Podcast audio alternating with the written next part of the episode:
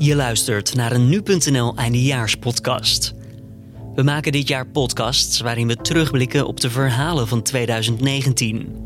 Mijn naam is Julian Dom. Het afgelopen jaar staakten onder meer de boeren, de politie, het ziekenhuispersoneel, specialisten in de zorg, de klimaatscholieren, distributiemedewerkers, leraren, de pensioengerechtigden, machinisten en conducteurs. Voor deze aflevering zoomen we echter in op drie daarvan: de klimaatstakers, de boerenactievoerders en de boze leraren. Dit zijn de stakingen en protesten van 2019. Opnieuw actievoerende boeren. Vanochtend in De Beeld en vanmiddag in Den Haag. Het is gewoon een vak waar ik potdomme heel hard voor werk. Heel veel voor doe. Met alle liefde voor de kinderen. Want ik ben niet voor niks juf geworden. Ik ben gek op kinderen. Maar er moet wel iets veranderen. En daarom sta ik hier. CO2, weg ermee! CO2, weg ermee! CO2, weg ermee! CO2, weg ermee! In deze podcast heb ik het over waar deze protesten vandaan komen, waar ze voor gezorgd hebben en wat ze betekenen voor volgend jaar. Over de lerarenacties praat ik met nu.nl-verslaggever Binnenland Job van der Plicht. En dat heeft er uiteindelijk toe geleid dat er toch gestaakt werd. Uh, en dat de voorzitter van de, de Algemene Onderwijsbond, Liesbeth Verheggen, dat die is opgestapt. Politiek verslaggever Edo van der Goot legt uit waarom de boeren begonnen te protesteren. Uh, maar dat bleek uiteindelijk uh, de vonk, of in ieder geval de druppel voor de, voor de boeren. En Iante Minnaert praat met mij over de klimaatstakingen door scholieren. Ik ben Iante Minnaert, ik ben 16 jaar en ik ben actief binnen Fridays for Future Um, als organisator en contactpersoon vooral. Ik bel met Iante over de klimaatscholieren. Op 7 februari stonden ze namelijk massaal op het Malieveld in Den Haag. En daar lieten ze van zich horen om maatregelen te realiseren voor een beter milieu. Dat was het moment dat Nederland echt kennis maakte met de protestleerlingen. Iante zelf die zette zich voor die tijd echter al in voor het klimaat. Dat is een hele tijd geleden ondertussen. Dat was september 2018. Um, en het begon allemaal heel spontaan. Een vriendin van mij zag een foto die ik Greta Thunberg op haar Insta had gepost. Dat mensen in Den Haag ook aan het staken waren voor het klimaat. En toen besloten we daar ook naartoe te gaan. En het begon met één dag en toen werden het er meer. En uh, toen werd ik actief. Maar eerst dat protest van 7 februari. Dat is de actie op het Malieveld. Het was heel indrukwekkend om al die mensen daar samen te zien. Um, voor hetzelfde doel. Om nou ja, te zorgen dat de politici actie zouden ondernemen voor het klimaat. Uh, ja, heel indrukwekkend vooral. Hoe, hoe denk je dat het zo is gekomen dat zoveel jongeren samen wisten te komen op dat moment? Want ja, de echte organisaties waren, of tenminste leken, nog niet heel groot toen. Wat ik heb gehoord is dat ze. Nou, je had eerst de stakingen in België natuurlijk, die werden heel groot, waardoor het ook in Nederland al uh, bekender was. Ik denk dat dat heel erg hielp. En toen was er een groep jongeren in Nederland die besloot om dat ook hier te doen. En die hadden, uh, nou, die begonnen eigenlijk heel klein en die hadden toen onder een NOS Stories um, post hadden ze gereageerd van, oh ja, dit gaan wij ook doen. En toen werden ze gepromoot en kregen ze opeens heel veel volgers erbij. En dat het daardoor uh, begon het heel groot te worden en dat dat een start was, waardoor ze uh, nog groter konden maken. Ja, social media, daar noemde je het al eventjes, hè? ontzettend belangrijk voor deze acties van de klimaatjongeren. Ja, heel erg. Uh, we hebben verschillende mensen die zich heel erg bezighouden met social media om, het daar, ja, om daar ook aandacht te vragen. En niet alleen om dingen te promoten, maar ook om um, verschillende punten op de agenda te zetten en mensen eraan te herinneren hoe belangrijk het allemaal niet is. In juni van 2019 raakte Iante betrokken bij de organisatie van Fridays for Future. Dat is een van de organisaties die de scholierenprotest hier organiseert in Nederland. Um, dat was eigenlijk ook nou, niet toevallig, maar ik was op een actie van um, Youth for Climate toen nog. Um, en in Utrecht. En ik was er wat eerder met wat vrienden, omdat we uh, verlof hadden gekregen van school om daar naartoe te gaan. En dan kunnen we ook nog gewoon wat eerder gaan, gaan zitten en gezellig. En nou, toen was de organisatie er ook. En uh, toen werd ik in een groepsapp gezet die bedoeld was om mensen op de hoogte te houden. Het was op een gegeven moment een meeting voor iedereen die wou, daar ging ik naartoe. En toen opeens zat ik uh, in het actieve deel. En, en nu nog altijd daarbij betrokken, inderdaad. Um, hoe, wat, wat, is er veranderd in uh, die paar maanden tijd dat jij er nu bent? En uh, sinds, je de, sinds je erbij kwam en dat, dat we nu praten eind december? Ik denk dat de beweging nog groter is geworden. Ehm, er zijn meer acties. Er zijn verschillende groepen ondertussen die ook groter zijn, zoals Extinction Rebellion. Dus ik denk dat dat wel een heel groot verschil is. En ik heb het gevoel dat het internationaal ook meer verbonden is met elkaar. Het lijkt groter te zijn geworden, maar is dat ook echt zo? Is, is de organisatie en de media-aandacht die jullie daarbij ook krijgen nog altijd even warm gebleven dan ja, als we kijken naar eerder dit jaar? Um, het voelt voor mij in ieder geval wel veel groter, wat ik er gewoon meer binnenin zit. Um, dus voor mij is, lijkt het allemaal wel veel groter. Maar ik merk ook wel dat er meer mensen zitten binnen Fridays for Future Nederland. Um, actieve mensen. En we hebben ook wel bijvoorbeeld 27 september, dat was gewoon een hele grote actie. de grootste klimaatstaking in Nederland ooit. Ja, 30.000 mensen ongeveer die daarop afkwamen, wordt er gezegd. 35.000 volgens mij. Dus ja, dat was echt geweldig. Ehm, maar het verschilt nogal. Het ene moment is er wel veel media-aandacht en het andere moment niet. Dus ja, dat, dat schommelt een beetje. Ik denk dat het ook een beetje is dat af en toe de media het gewoon zat is. Dat ze denken, nou nu weten we het wel. Um, nou ja, als de politici dan ook echt wat zouden doen, dan zou dat prima zijn. Maar dat doen ze niet. Dus um, nog steeds moeten de media er ook aandacht aan besteden. Omdat dat een manier is om de politici te bereiken om um, actie te ondernemen. Wat heeft het opgeleverd tot nu toe, al die, al die acties? Um, nog niet genoeg, zeker. Um, maar ik denk dat het wel gewoon uh, dat de beweging wel telkens groter wordt met elke grote actie die we hebben. en op een gegeven moment zal het zo groot zijn dat de politici er echt niet langer omheen kunnen. En ik denk ook Um, mensen veranderen hun gedrag nu ook al. En dat is, net, zoals ik net al zei, niet waarom we daar staan. Maar het helpt natuurlijk wel mee. Maar kan je, kan je een voorbeeld geven van wat er dan op dit moment al daadwerkelijk... wat jullie al daadwerkelijk hebben bereikt? Ja, het is natuurlijk niet één... Het is niet alsof er, één, er nu één extra maatregel is genomen door ons of zo.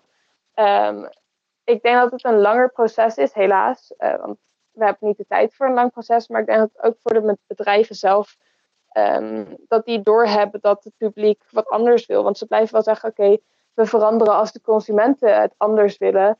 Um, en nou ja, dat is natuurlijk. Ja, ik snap de gedachtegang, maar um, we moeten verandering inbrengen of iedereen het nou wil of niet. Want anders hebben we gewoon geen toekomst. Een lange en adem dus. Dat... ja, maar ik denk dat de bedrijven zich daardoor ook zullen aanpassen. En die hebben ook weer invloed op de politiek. Dus ik denk dat het zo stapje voor stapje um, van alle kanten er naartoe komt. En dat ook de politiek zal veranderen. En ook weer uh, druk zal uitoefenen op de grote bedrijven. En dat het dan zo doorgaat. Het einde van de protesten is dus nog altijd niet in zicht. Iante en haar medescholieren geven niet op en zijn met internationale afdelingen van Fridays for Future aan het plannen wanneer de volgende grote actie is. En van de scholieren gaan we dan door naar de boerenprotesten. 1 oktober. De boeren pakken massaal de trekker richting Den Haag. Ja, niemand kan er meer omheen. De boeren zijn het spuugzat. Lange rijen trekkers, allemaal op weg naar Den Haag. Duizenden boeren protesteerden daar op het Malieveld. Ze vrezen voor de toekomst van hun boerenbedrijf en vinden dat er te negatief over de sector wordt gesproken. We worden als agrariërs weggezet als de oorzaak van de global warming, zeg maar. En uh, ja, dat is onzin. En de boerenacties kunnen rekenen op heel veel steun. We zijn langs 9 kilometer file gegaan. Ik heb één middelvinger opgestoken gekregen. Voor de rest zijn het alleen maar duimpjes en mensen die toeten. Om een hart onder de riem te steken mag wel gehoord worden dat ze altijd hard werken voor ons voedsel. Op 1 oktober, toen ze toen het Malieveld bezetten, was er in onze peiling massale steun. 89% van de mensen stond achter dat protest. Bij die ene staking in oktober blijft het niet. De boeren komen terug, want ze zijn nog altijd boos. Ga alsjeblieft 130 rijden. Ga Schiphol vergroten, maar laat die boeren met rust. 1 oktober ben ik, was ik mee van de eerste dat ik zei, uh, niet naartoe, want uh, dat klopt niet, we zijn zat. Wat is Nederland zonder boeren? Dat, dat, dat ken het zonder elkaar. Wij zijn de, de burgers nodig, nou die aan De protesten kwamen niet uit de lucht vallen. Eind september werd het land eigenlijk aangestoken, zou je kunnen zeggen. Dat vertelt politiek verslaggever Edo van der Goot. Dat ging als volgt. Uh, het Algemeen Dagblad had een uh, interview met een uh, D66-politicus, Tjeerd de Groot. En die had gezegd, we gaan de veestapel halveren in het kader van de stikstofmaatregelen. Uh, ja, veestapel halveren, dat, dat klinkt nogal rigoureus. Uh, dus dat deed uh, menig wenkbrauw wel, wel fronsen. En dat interview waar Edo het over heeft, dat was begin september. D66er Tjeerd de Groot geeft uitleg in de ochtendshow van het AD. Dan zeggen we nou, voor de bio-industrie is geen toekomst. Er is nu een alternatief, namelijk kringlooplandbouw. En daar gaan we dus boeren mee helpen, of om over te gaan naar kringlooplandbouw of om uh, te stoppen. En dat leidt tot een halvering van de veestapel. Uh, maar dat bleek uiteindelijk uh, de vonk, of in ieder geval de druppel voor de, voor de boeren. want die besloten daarop te gaan protesteren massaal. Die zeiden van ja, dit is nu echt te veel. We hebben te maken met zoveel stikstofmaatregelen en überhaupt met veel maatregelen. En dan is er ook nog een politicus die zegt dat onze veestapel gehalveerd moet worden. Dat pikten ze niet. Van, uh, vanuit het Leur zijn we vanochtend om uh, ja, kwart over vijf vertrokken naar verzamelpunt. En vanuit daar zijn we weer verder gegaan. Nou, eigenlijk zijn we in dit probleem gekomen door 30 jaar lang vergaderen en aan ronde tafelgesprekken. En uiteindelijk, uh, nou, deze reactie is dus juist de andere kant op van actie en we zeggen tot hier en niet verder. Toen kwam dat protest inderdaad, 1 oktober, allemaal naar het Malieveld. Zag jij dit aankomen en zagen we het bij nu.nl aankomen, hoe groot dit zou zijn? Nou, ik geloof dat de, de verbazing zat er vooral heel vroeg in de ochtend, geloof ik. Dus ergens tussen vijf en zes uur s ochtends. Van, uh, en eigenlijk die nacht daarvoor al, toen, uh, toen boeren echt uh, nou, massaal richting Den Haag zouden komen. En heel s ochtends vroeg drong de grootheid wel door hoor. Dus op een gegeven moment... Je beelden ook van trekkers op de snelweg. Precies. Dat was een beetje ongekend ja. in Nederland. Ja, en er waren genoeg waarschuwingen uiteindelijk. zodat we wel wisten van ja, dit, dit gaat wel heel groot worden. Uh, maar dat die uitspraak van uh, die D66er, dat, uh, dat die dit teweeg zou brengen, dat, dat hadden we zeker niet voorzien. Heb jij hem daarna nog gesproken? Ja, ja, regelmatig, zeker. Ja. Ja, en het is wel het is een pittige opgave voor die D66er. Dat, dat, klinkt gek, hè? want hij is natuurlijk niet degene die, die zijn vee moet, moet halveren. Maar goed, hij is door deze stelling nog een bepaald daglid komen te staan bij de boeren. Terwijl hij zegt van ja, we moeten nu eenmaal naar minder vee. Uh, want anders redden we het niet met de stikstofmaatregelen die we nu nemen. Maar de boeren zijn vooral boos natuurlijk omdat zij zelf het zien alsof wij worden aangepakt en anderen komen ermee weg, terwijl we niet de enige vervuiler zijn. En daarnaast waren ze het ook niet altijd even eens over de cijfers die naar buiten kwamen. Mede uh, cijfers van het RIVM, die werden gewoon niet vertrouwd door de boeren. Ja, dat klopt. Ja, dit, dit, dit verhaal gaat natuurlijk al wat, uh, wat langer terug. Hè. De stikstofprobleem is niet van gisteren. Uh, eigenlijk de, de, de het stikstofbeleid dat is uh, afgeschaft door de Raad van State, waar dit allemaal mee begon. Dat was eind mei.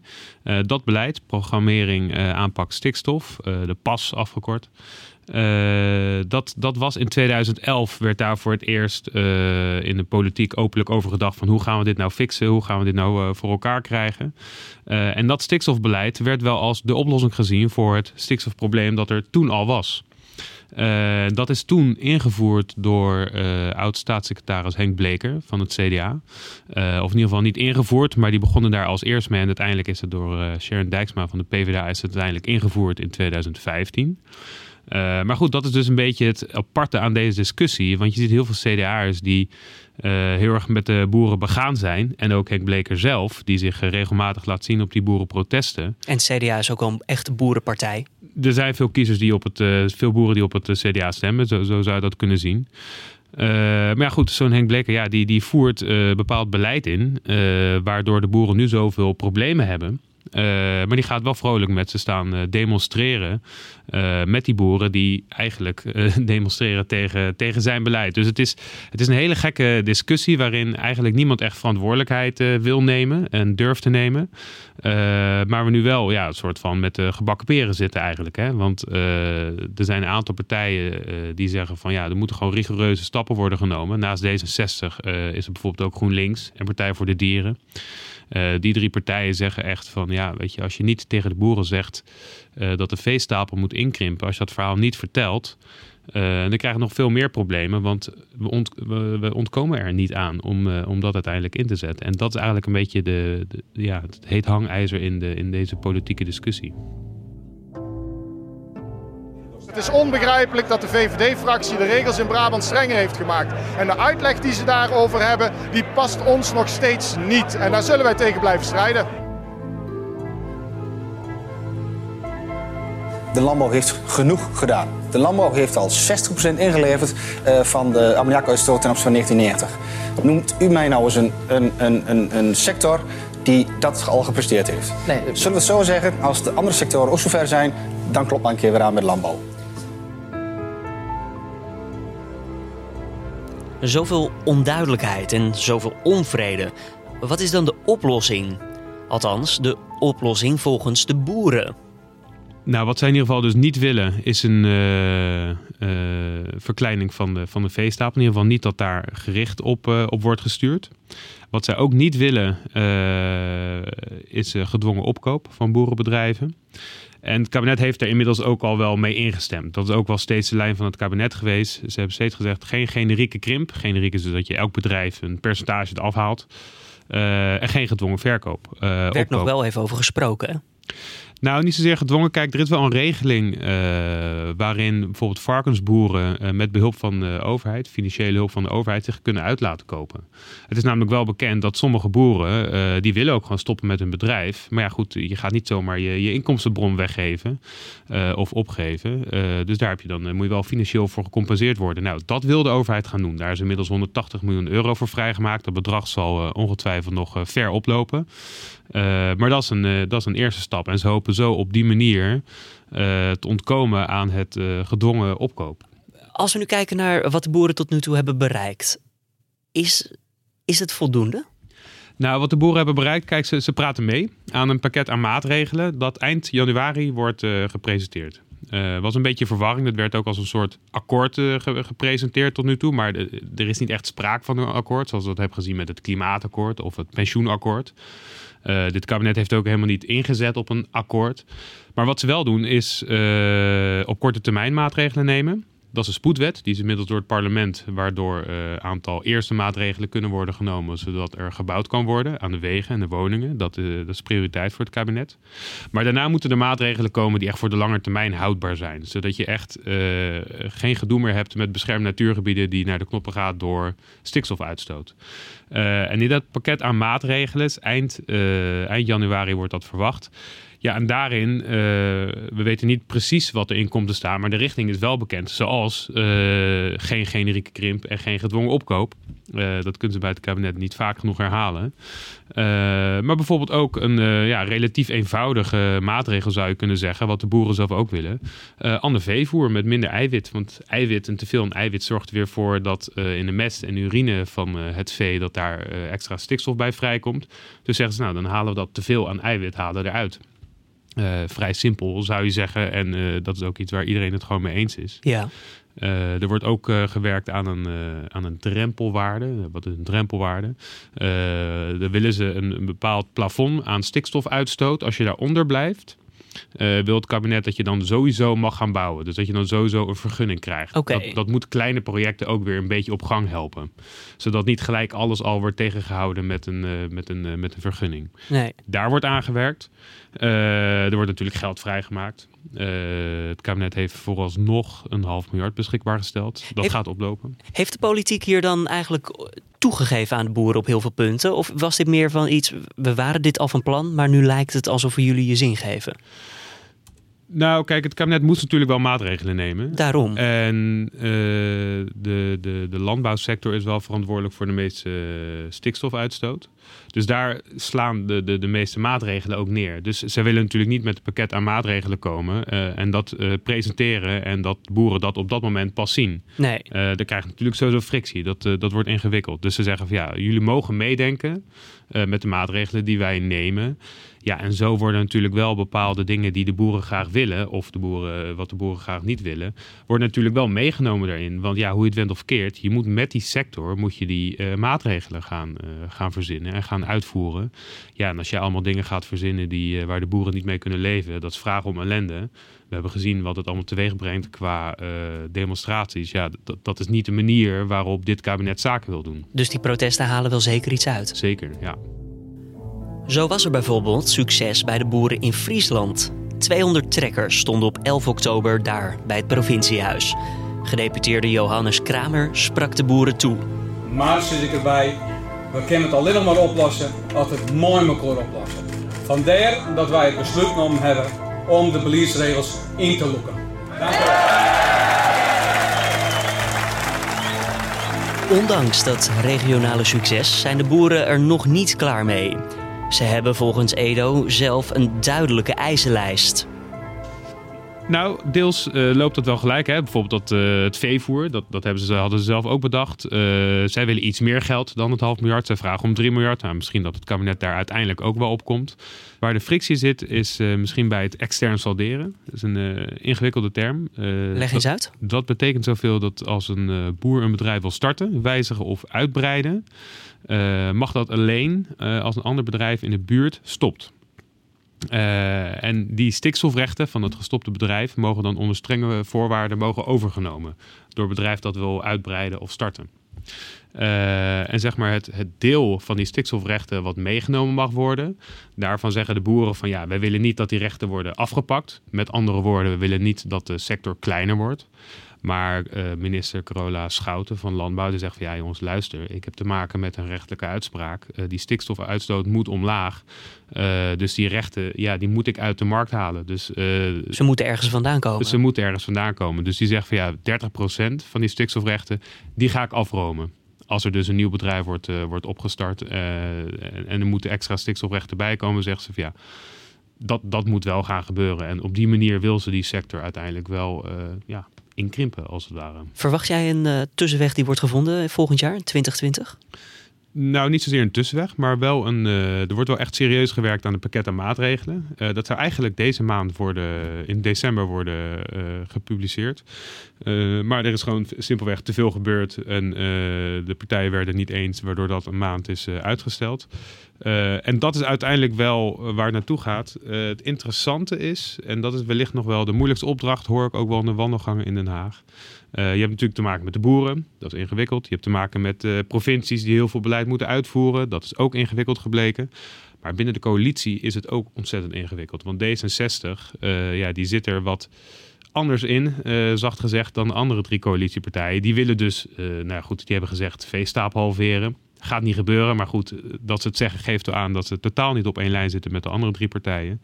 Ja, die willen dat Carola Schout ook gewoon veel eerlijker zegt dat uh, uiteindelijk wel minder vee een oplossing moet zijn. Uh, en dat gedwongen uitkoop van, uh, van die boeren, dat het eigenlijk niet anders kan. Ja, dat zijn juist die twee zaken waarvan die andere drie partijen zeggen, daar willen we niet aan. En waarvan het kabinet ook zegt, daar willen we niet aan. Dus ja, hoe dat uiteindelijk gaat gebeuren, dat is nog wel even spannend. Na de scholieren en de boeren zijn we nog niet klaar. Voor de leraren is de maat namelijk ook vol. Er wordt niet geluisterd naar de problemen in het onderwijs. Dat terwijl die problemen al jaren spelen. Het lijkt wel alsof we een hobby aan het uitvoeren zijn. Als er uh, geen mensen voor de klas kunnen, dan zetten we maar een ouder voor de groep. Nou ja, ik zie al dat, er, dat we geen buschauffeurs meer hebben. En dat we zeggen, nou dan ga jij maar rijden. Of we hebben geen dokters meer, dan ga jij maar lekker snijden. Ja, zo werkt het natuurlijk niet. Dat is toch vreselijk in het onderwijs? Hele mooie spandoek achterin ook daar eens even kijken. Wilhelmus van der Sauwen. Waar is het vertrouwen? Dat moeten geschiedkundige leraren zijn. Dat kan bijna niet anders. Geschiedenisleraren. De leraren die staken voor omdat hun vinden dat ze te weinig eh, geld krijgen en te veel werkdruk hebben. En ze zitten vaak tot heel laat op school voor ons. Degene die op je geld past, krijgt in dit land meestal vier keer zoveel salaris als degene die op je kind past. Als dat vanaf morgen toch eens andersom zou zijn. Onze binnenlandverslaggever Job van der Plicht legt het probleem nog eens uit. Er zijn steeds meer docenten nodig. En uh, dat betekent dus dat er meer geld nodig is. Daarnaast voelen leraren zich ook lang niet altijd gewaardeerd. En daardoor is er dus uh, meer, ze willen meer salaris hebben. Dus uh, daar is ook meer geld voor nodig. kortom, er is gewoon meer geld volgens hen nodig. En dat, dat wordt lang niet altijd geboden door het kabinet. We beginnen met de staking in het voorjaar. Wederom eentje op het Malieveld in Den Haag. Ja, zo'n zo grote staking is natuurlijk altijd ontregelend. Kijk, als, als de, de staalindustrie of zo, als die staakt, is dat voor die sector ook ontregelend maar daar heeft lang niet heel Nederland last van. Uh, staking in het onderwijs natuurlijk veel meer. Heel veel mensen hebben kinderen of hebben daarmee te maken. Dus ja, dat voelt een heel land. Ze wilden meer geld, zeg jij, die leraren, de docenten. Hoeveel? Ja, ze komen uit op een, op een som van uh, totaal 4 miljard die geïnvesteerd moet worden in het onderwijs. Dat over dan, meerdere jaren? Ja, dat is dan verspreid over meerdere jaren.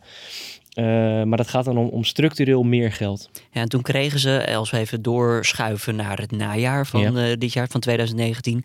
Toen werd er opeens geld naar voren geschoven. 460 miljoen. En het leek eventjes voldoende. Ja. Want de Algemene, Algemene Onderwijsbond die eh, zei van nou weet je, we zijn eruit. Dat was op een vrijdag. En het leek inderdaad alsof op dat moment alsof de staking van de baan was. Was jij aan het werk op dat moment? Ik was er wel, maar het was echt op het. Ik stond op het punt om naar huis te gaan. Het was vrijdagavond, eh, nou niet vrijdagavond, laat vrijdagmiddag laat. Eh, ik denk rond een uur of half zes, zes uur of zo. En ik, ik heb nog een woordvoerder van de Onderwijsbond gebeld. Je had je jas al aan. Ja, dacht, bijna eh, wel ja. Bijna wel ja. En ik heb, nog, ik heb nog snel mijn telefoon gepakt en even snel een woordvoerder gebeld om iets te vragen. Ik weet niet meer wat.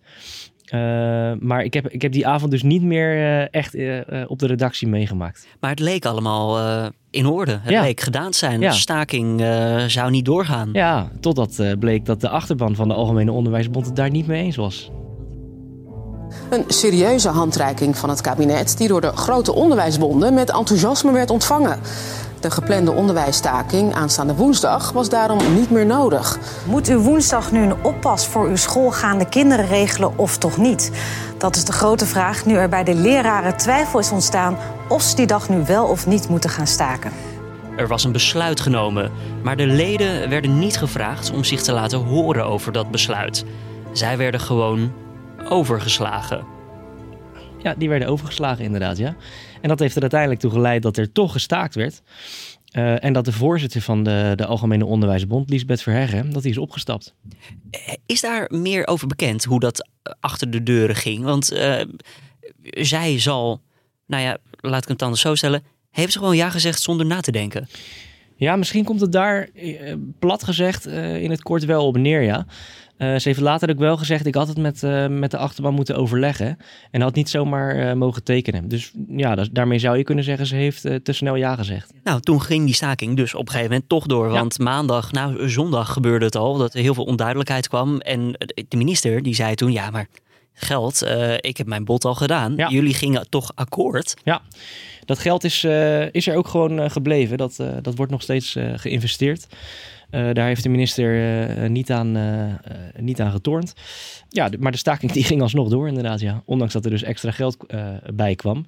Eh, maar dat kwam dus, wat ik net al zei, dat, dat kwam dus omdat, eh, om- omdat de, de onderwijsbonden, eh, de vakbonden, sorry, eh, die willen gewoon nog meer geld. Dus daarom eh, moest er gestaakt worden. En dan doelen ze vooral op een lange termijn investering. Ja, st- structureel geld. Die 460 miljoen euro van minister Slop eh, was een eenmalige eh, bijdrage, eenmalige uitgave.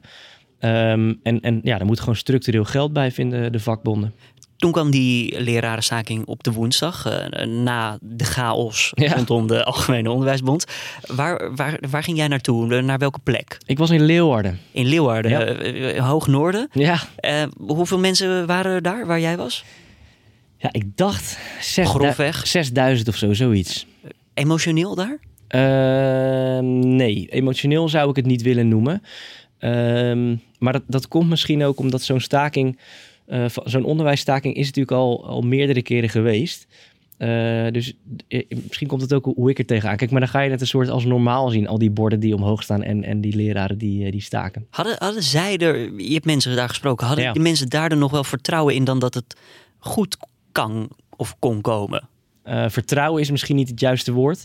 Eh, want als, er, als, als ze vertrouwen hadden, dan ga je al sneller het gesprek met iemand, ga- iemand aan. En dan ja, vertrouw je er dus op dat het goed komt. Eh, nou ja, de Onderwijsbond was in gesprek, toch? Eh, ja, maar op dat moment dus niet meer. want, Nee, want toen moest er precies, ja, worden. ja. Volgens hen. Ehm, ja, misschien, misschien een soort stille hoop of zo. Misschien komt het ooit nog wel goed. Maar ja, echt vertrouwen denk ik niet, nee. Waarom koos jij eigenlijk voor Leeuwarden? Het is misschien een beetje een flauwe reden, maar eh, wij willen graag eh, eh, het hele land, in het hele land dingen verslaan. We hadden heel makkelijk kunnen kiezen om naar Amsterdam te gaan. Daar werd- Dichtbij. ja, precies. Daar werd op de Dam gedemonstreerd. Wij zitten met onze redactie in Hoofddorp, dus dan is Amsterdam dichtbij. Maar om te voorkomen dat je altijd maar voor Amsterdam en misschien wel iets breder de Randstad kiest, hebben we er dit, voor, dit keer voor gekozen. Nou, het is op meerdere plekken in het land. Eh, laten we nu eens een gebied buiten de, de Randstad kiezen. Eh, de Algemene Onderwijsbond gaf aan dat eh, de actie in Leeuwarden naast die in de Randstad groot zou worden. Nou, toen hebben we gezegd, dan gaan we naar Leeuwarden. In Leeuwarden, jij, de mensen die je daar sprak, Ja. wat zeiden zij daarover? Nou, over die actie? De, de grote lijnen zoals je die overal hoorde, eh, werkdruk, meer leraren, meer geld.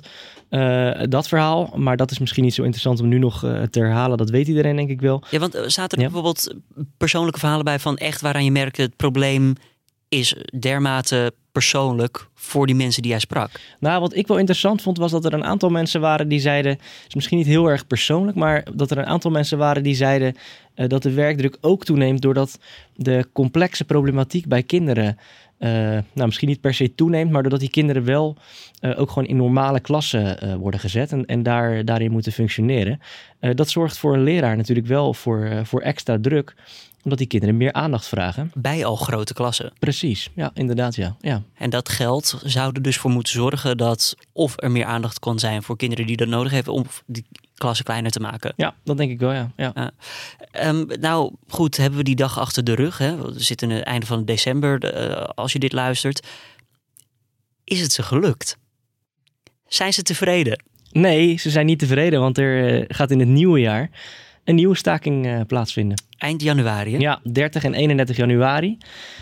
Gaat om scholen uit zowel het basis- als het voortgezet onderwijs. Hoe dat er precies uit komt te zien, eh, dat is op dit moment nog niet duidelijk.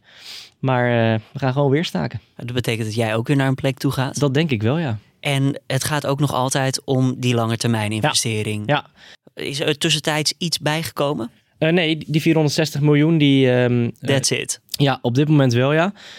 Is natuurlijk ook wel een, een flink bedrag. Dat is bijna een half miljard.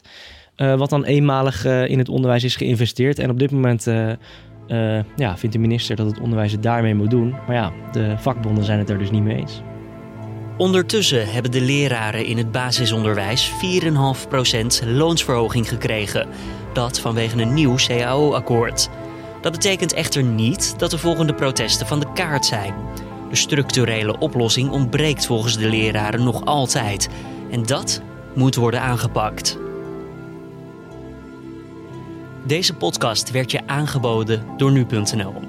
Dit was de aflevering over protesten en stakingen.